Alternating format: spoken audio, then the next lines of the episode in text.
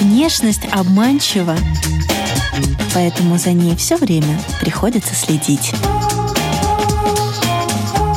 Программа «Внешний вид» на Латвийском радио 4. Здравствуйте, дамы и господа! Вы слушаете радиопрограмму на Латвийском радио 4 и подкаст о красоте и моде «Внешний вид». Здесь мы изучаем влияние внешнего вида на все сферы жизни героев, знакомимся с новыми трендами и отвечаем на такие вопросы, о которых вы раньше даже не задумывались. Приглашаем и вас окунуться с нами в этот интересный опыт – у микрофона Алиса Орлова. Далее в выпуске вы услышите. Ролевые игры используют психологии у нее другие жизненные обстоятельства, там она пожестче, и вот она тоже маленького роста, и она такая своевольная. Ощущение, что, оказывается, можно. И сегодня с нами Вероника Фомина. Э, я бы сказала мастер перевоплощения, но правильнее это будет звучать как косплеер, ролевик. А что это значит, мы как раз сегодня и узнаем. Здравствуйте. Здравствуйте косплеер и ролевик. Да, это совершенно разные ипостаси. То есть косплеер э, это человек, который берет какого-то конкретного персонажа из какого-либо фэндома. Фэндом — это вселенная, в которой эти персонажи обитают, собственно. Допустим, если мы берем Марвел, то вот если я косплею Железного Человека, то вот э, в таком плане. А, и это именно перевоплощение в какого-то конкретного персонажа, который уже существует. Разумеется, есть какие-то оригиналы, оригиналы, э, то есть это персонажи, которые которыми мы были вдохновлены и сделали на это костюм. То есть шили, скрафтили и сделали прическу и все такое. Персонажи – это часть э, компьютерных игр, аниме. Да комиксов. Кто еще попадает? А, это все что угодно. Это книги, это могут быть, это могут быть реальные люди а, даже. Это какие-то известные люди, это мультики, а, манга, комиксы, кто угодно.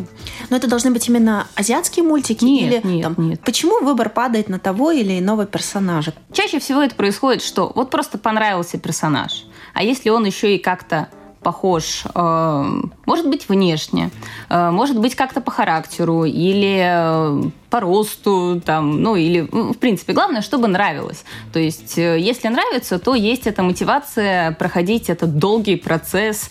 Это покупка парика, это стайлинг парика, это макияж, это линзы и, собственно, сам костюм. И его можно шить, его можно, ну, в зависимости от того, что есть. То есть это или делать броню, это или еще что-либо, мечи делать. Я вот меч делала. Э, то есть вот персонаж нравится, вот хочется так же, выглядит классно, там, импонирует с твоей душой. И вот, вот это вот оно дает мотивацию его делать, выступать, играть его. Но чтобы выбирать персонажей, э, их играть и выступать э, в их роли, получается, нужно перерабатывать огромное количество контента. То есть нужно смотреть мультики, играть в игры, э, читать мангу и так ну, далее. Ну да, в принципе, в основном это, как называется, гиковская тема. То есть это фанаты каких-либо фэндомов, которые действительно это любят. Это, наверное, не увлечение, это образ жизни. Да, это можно назвать образом жизни, потому что это если это косплеер, то это захватывает очень большую твою часть жизни. Как минимум, э, комната ломится от нарядов, от мечей, которые стоят в углу, э, от кучи косметики, грима, там, например, э, стоит голова, на которой парик недостайленный, там мантия черная сушится в туалете, и человек заходит и шугается этого образа. То есть это, это вот, вот так вот. Сколько вы уже в теме? А, я в теме несколько лет, получается, кажется, с 2020 года, как раз когда начался коронавирус, ну, точнее, уже, уже стало что-то можно, тогда произошел э, перенесли наш Юником, это косплей-фестиваль, который проходит дважды э, в год. И вот оттуда я считаю этой точки, э, точку, потому что я тогда познакомилась с людьми, которые тоже вот в одном фэндоме, в китайском. Э, это было совершенно что-то новое, никого еще не было. Я пришла в костюме, да, он был купленный, но это было абсолютно неважно. Мы познакомились, и мы стали творить все вместе. Э, и э, определились по персонажам, то есть мне сразу сказали, ой, ты вот этот вот персонаж, там был такой Дзенчен. И я как-то не знаю, по характеру я подошла. То есть э, надо мной всегда смеются с этого, я его играю, мне уже это абсолютно естественно. Вы сказали китайский фэндом. Э, делятся ли на китайские, э, японские, корейские? А, да, конечно. То есть есть американские фильмы, есть э, китайские. Вот в данном случае это была изначально китайская новелла, э, написанная автором Масян Тунсю. Э, была нарисована манга, было сделано аниме, снят сериал. Э, но все это делали вот, вот эта китайская тема. Аниме все это вот японское. Да. Теперь про корейцев. Кей-поп – это Южная Корея. Да. Сожалению, популярность кей-попа пришлась не на мои 15 лет, когда мне было это интересно. Там были совершенно другие группы. У меня тоже было желание танцевать. Я смотрела, такая смотрела, просто круто, как классно танцуют, такие красивые мальчики. Но Потом как-то все это время прошло, и вот сейчас это популярно, а мне уже не надо. А, я знаю, что там про корейцев пишут фанфики, это один из BTS, это самый популярный фэндом э, из фанфикшена, где очень много кто пишет э, всего чего. То есть Фанфики это, это народное, творчество. Э, фанатское народное это творчество. Это фанатское творчество в литературном виде. Да. Ну, как они, как будто бы роман пишут, только да, с да, пишут романы, да, вот фанфики, опять же, есть оригинал, это со своим миром авторы придумывают, а есть фанфики, там, где история литературная, она основана на уже существующей вселенной. А как вы думаете, это не оскорбляет чувств реальных э, селебрити? А, нет, ну, зависит, конечно, от того, что пишут, потому что люди разные, пишут разное, но есть невероятное количество классных работ, и эм, из того, что я слышала, когда спрашивают селебрити о фанфиках, а, для кого-то, конечно, дошли слухи, что это может быть что-то такое довольно странное. А что такое стайлинг парика? Стайлинг парика – это, ну, это, по сути, прическа на парике. Просто там есть, э, ну, есть парикмахеры, которые делают уже на людях что-то. Там, конечно, есть много чего э, из похожих техник, но парик – это своя ипостась. Это э, берется или готовый парик, или он делается с нуля, он пришивается, эти трессы пришиваются, где-то что-то приклеивается, где-то что-то обрезается, э, затем обязательно его надо загофрить, чтобы он не путался, особенно на длинных париках. Косплеерские лайфхаки, э, те, кто стайлит парики. Это все залить лаком так, чтобы оно не отвалилось. Это пришить какие-нибудь заколочки, чтобы это на сцене не отвалилось с головы и все. Вот это все стайлинг. Ну и это все вы делаете сами? Да. А как вы этому учились? А, ну, мы учимся, а, пробуем, не получается. Сколько пробуем сожгли париков? А, ну, я ни одного.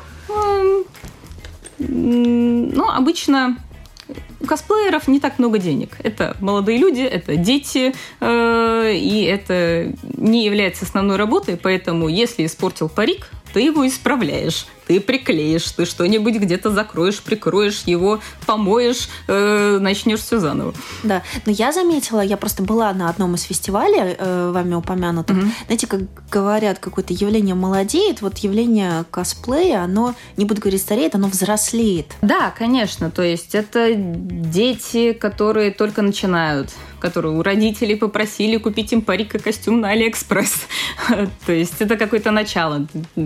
То есть э, у меня не было возможности что-то покупать, ну, когда мне было лет 10, э, я делала это, когда делаю что-то похожее на персонажа, это называется закос. То есть не четко по картинке, а вот что-то там тени нанес, прическу сделал. А, вот. И вот это вот у меня в детстве было. Это бюджетный вариант. Это очень бюджетный вариант, э, да. Э, то есть из подручных средств. Опять же, многие косплеи делаются из подручных средств. Сейчас э, то, чем работают косплееры, эволюционируют. То есть, если раньше делали из картона, это было папье-маше, это Это было соленое тесто. А что можно сделать из соленого теста? Ну, если нужно если нет глины, которую сейчас не проблема купить, то из соленого теста можно делать фигурки, можно делать какие-то элементы, которые потом, например, к доспеху приклеивать элементы, сделал из соленого теста и вот приклеил, покрасил. Ну, безденежье развивает фантазию. Ну да, да. Э, а сейчас есть, это называется Евофом, это такие листы пенополистирола, из которых, которые очень хорошо режутся, которые клеятся. Есть много туториалов в интернете, как и что сделать. Есть э, какая-то глина, которая превращается в это Евофом, и можно там что угодно перекрыть, специальные краски, праймеры, очень-очень много всего. Это, конечно, дорого. Э, тот, у кого нет денег, делает все, еще делает что-то из картона. Но вот, есть возможности уже. Понятно, косплеерам и ролевикам тоже нужны деньги. Да, разумеется, это дорогостоящее хобби, да. Угу. А в строительный магазин заглядываете? Да, Бывает? конечно. Что там присматриваете обычно? А, последнее, что я смотрела, это мне нужно было что-то, что, на чем будет держаться меч. Самое забавное, когда заходишь, спрашиваешь, а есть ли то или иное, тебя спрашивают, а зачем, а ты такой для меча. Это всегда забавно. И консультанты так, о, э, ну, большие глаза делают не совсем, ну, иногда бывает, да, типа, такое больше недопонимание. Хорошо, ну. Ну, раз только мы о мечах говорим, расскажите, что это был за образ, что это за меч и что там еще дополняло? Э, это был мой первый меч, который я делала. И делала я косплей на Цири. Это Цирилла из э, игры Ведьмака? Ведьмак. Mm. Да. я очень хотела персонажа с мечом. Э, мужчину из Ведьмака у меня бы не получилось сделать. Я все-таки метр пятьдесят пять, худенькая девочка. А, а вот Цири как раз. И я... Мечи очень дорогие были. Что-то... Э, тот, который выглядит как копия, стоил где-то 300-350 евро. А, а дешевле я не нашла. А, ну точнее нашла, он был из дерева, но без ножен. А, это мне не подходило. А, поэтому я решила делать сама. Это был такой experience. Э, было все просчитано, что когда клеить, что куда приклеивать. То есть вот этот первый прототип там гарда была сделана из соляного теста. Это был только прототип. Потом это уже делалось что-то из картона, из фуама. Там клеилось, приклеивалось э, сохла, шкурилась. Э, и много работы было, действительно. За две недели вот так вот по вечерам после работы я его делала. Вы сама шкурили его? А, да. Вот это да. Ну, там это... Нужно было сделать ровную поверхность э, этого лезвия, э, и это этими жидкими гвоздями. Это было все вот сделано промазано, потом прошкурено, э, и вот. В итоге, да, и он был покрашен, э, залит лаком, и он выступал на сцене. Э, и он выступал не просто на сцене, что он у меня был, а я на нем даже билась и он выдержал. Он немного погнулся, но этот меч выдержал на все выступление. Девушке, которая сама может сделать меч, все по плечу? Да. Вы почувствовали, что у вас какие-то новые силы просыпаются? Mm, ну, по крайней мере, организационные способности. а, да, новые силы. Вот, когда в руках есть меч, тогда ты чувствуешь себя увереннее. Да. Даже если вокруг тебя люди, которые мечом владеют гораздо лучше тебя. А как вы научились драться на мечах? А, я не очень-то научилась, мне обещают все, все обещают меня научить, э, но это произошло так, что я познакомилась с человеком, который занимается ролевыми играми. Я знала о том, что проходит игра по Ведьмаку, опять же, на Юниконе всегда стоял стенд. Э, я туда как-то зимой подошла, э, мне ничего толком не рассказали. Ну, я такая, ну ладно, может быть, когда-нибудь. Тут я познакомилась с человеком. Я узнала, что он занимается этим, я с горящими глазами, боже, я хочу, я обожаю Ведьмака, я прочитала все книги, проиграла все, и вот сделала Цири, э, и, э, и была просто невероятно рада узнать какую-то информацию об этой игре и поехать туда. Это был мой первый experience э, в LARP-игре, и мне тогда невероятно понравилось, и вот я уже на нескольких была, и одну даже делала с народом. А вот наблюдая эволюцию персонажа в книге, потом играя да, в э, виртуальном пространстве, в игру, экранизация откликнулась она или нет? Экранизация не откликнулась, потому что они очень сильно отошли от э, источника. Где-то где от источника, где-то от атмосферы. И мне очень не понравилось, э, как они сделали Енифер. То есть она вообще не такая должна быть. Это моя любимая героиня, которая Но во мне очень откликается. Прям Енифер, да, черные волосы. абсолютно если в типаж. Я да, если ну, я еще делаю кучеряшки, я вообще похожа. Э, и ну, я ее как бы косплеила, это был больше закос, не четко по картинке, а такой, ну, допустим, книжный вариант. А, и да, она очень, пох, э, очень похожа по характеру самой где-то. А, то есть я помягче, она, конечно, у нее другие жизненные обстоятельства, там она пожестче, и вот она тоже маленького роста, и она такая своевольная, и вот у меня в душе откликается, поэтому это вот первое, что я хотела сделать из Ведьмака, это была Енифер. Латвийской Енифер вас называют? Нет, потому что я не выходила э, никуда в таком виде, я просто фоткалась, но меня как-то называли латвийской цири. Понятно. Ну, это история про магию. Если бы действительно в реальной жизни магия существовала, если бы у вас были какие-то э, магические способности, вы бы их применили куда? В мире ведьмака. А вот когда ты находишься в реальной вот здесь, в реальной жизни, то довольно сложно. Конечно, зависит от магических способностей. Э, важно, чтобы об этом еще никто не узнал, потому что слишком популярным человеком с магическими способностями я бы не хотела быть. Э, но, наверное, ради какого-то своего удовольствия, может быть, чтобы люди где-то сказали «Вау!» Что-то такое. Вы бы влияли на других, если бы была такая возможность? Mm, как влияние сознанием? Ну, может быть, где-то в своих целях, да. Я не без греха. Теперь мы переходим к очень интересной теме. Э, для наших радиослушателей поясню. Вероника вообще-то магистр психологии. Как это повлияло на вашу жизнь, как это повлияло на э, коммуникацию в ходе вашего вот этого увлечения косплеем? В принципе, знания психологии, они очень сильно так вгрызаются в жизнь, то есть, э, потому что их можно применять абсолютно везде. И вот это вот высшее образование психолога, оно э, дает какую-то вот это вот базу для поведения, для мысли, для решения своих проблем. То есть есть множество стратегий, э, хорошо развита саморефлексия, э, и все это помогает э, по жизни во, ну, во всех моментах жизни. А если это связывать с тем, чем я занимаюсь, то есть я, в принципе, довольно тревожный человек, особенно раньше, пока я с этим еще не работала, выступать для меня это было очень страшно. Очень страшно было в первом классе подниматься на сцену, споткнуться и потом э, рассказывать стихотворение.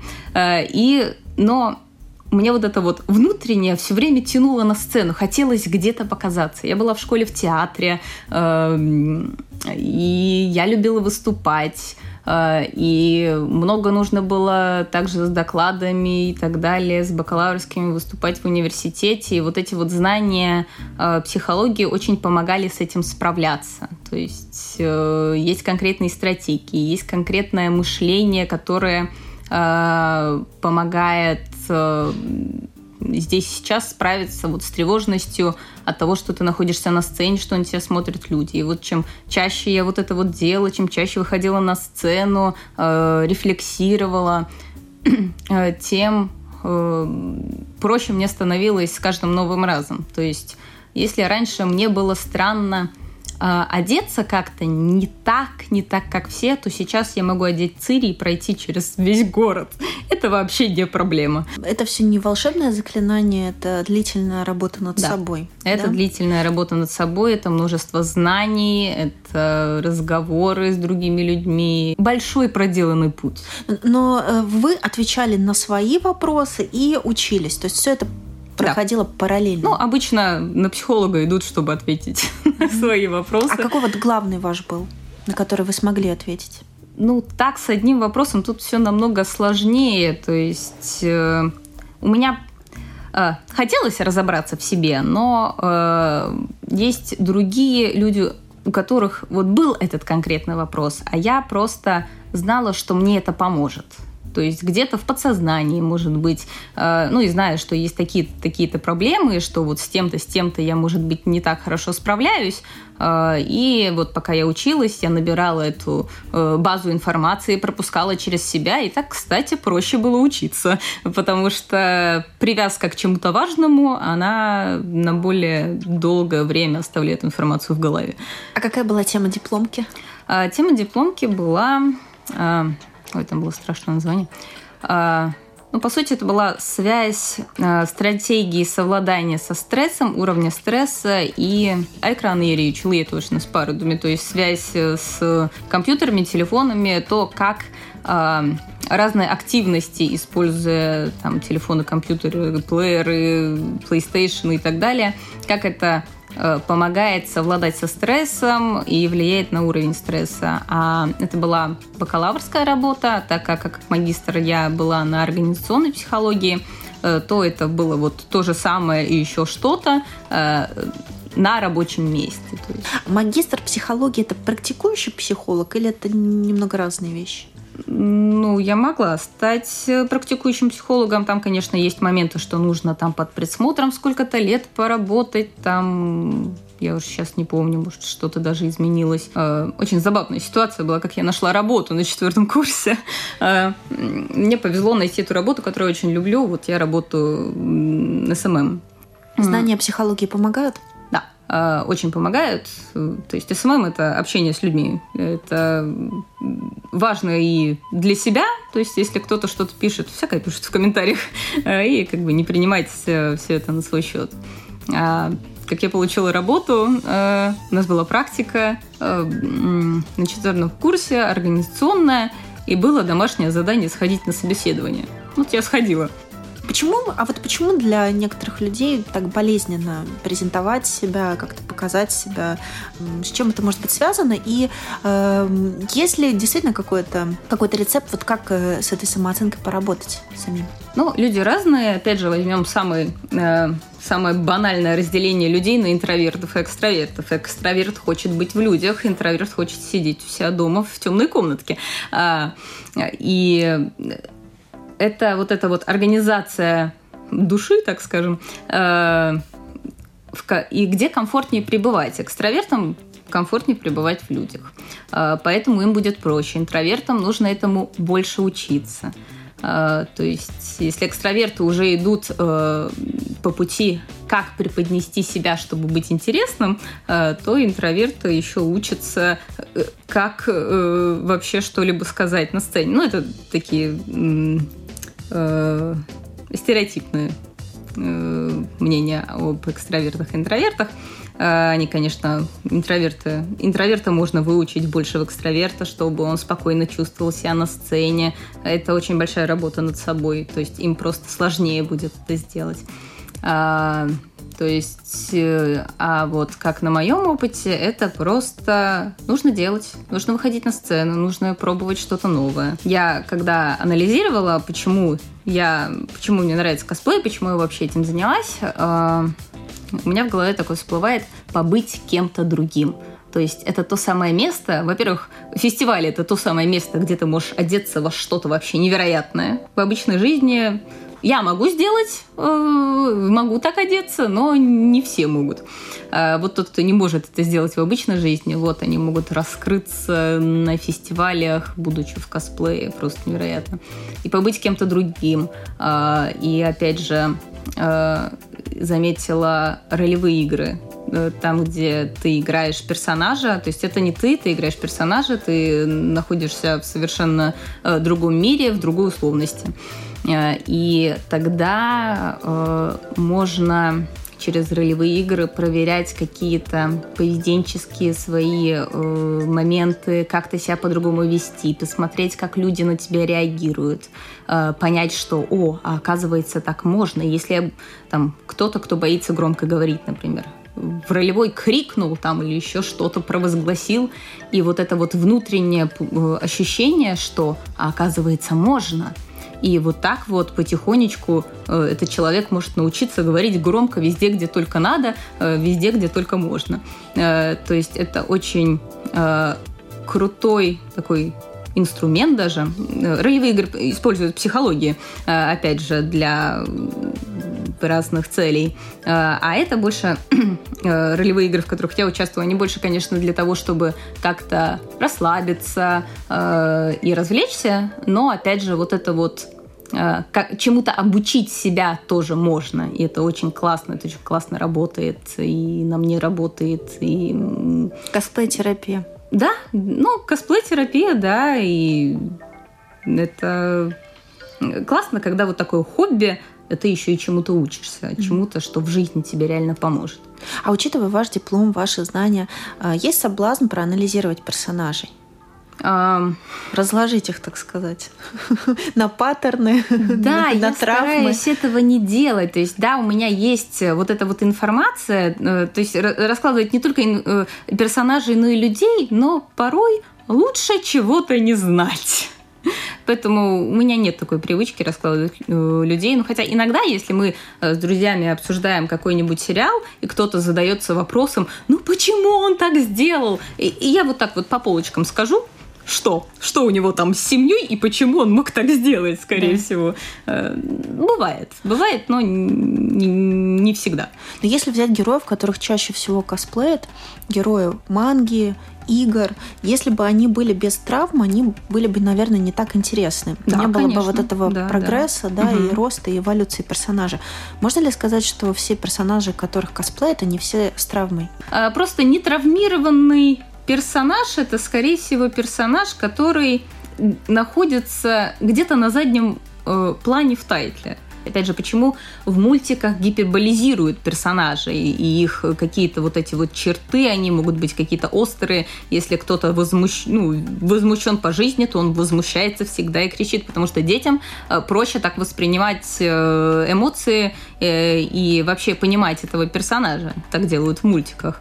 Э, но и также и для взрослых э, в фильмах тоже делают вот это вот попонятнее, потому что зритель хочет увидеть э, понятную картину, там, где все понятно, там, где нету сюжетных дыр, там, где все красиво и классный главный герой, иначе это никто не будет смотреть.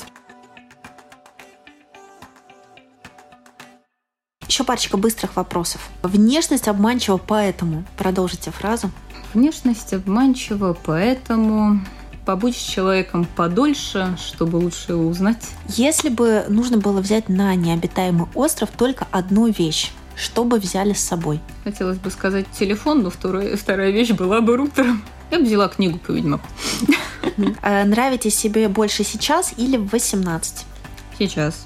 Потому что в 18 лет я не достигла всего того, чего достигла сейчас, то есть э, даже не достижения, а у меня не было тех компетенций, э, которыми я обладаю сейчас. И сейчас гораздо жизнь интереснее, кругозор обширнее, меньше страхов, и все становится жизнь более понятна и понятно, куда э, направить свое время, отведенное в этой жизни. Если внешность это послание, то о чем говорите вы? А, о чем тогда ваш месседж, ваше послание мир? Что я такая, как люди, ну, немножечко отличаюсь.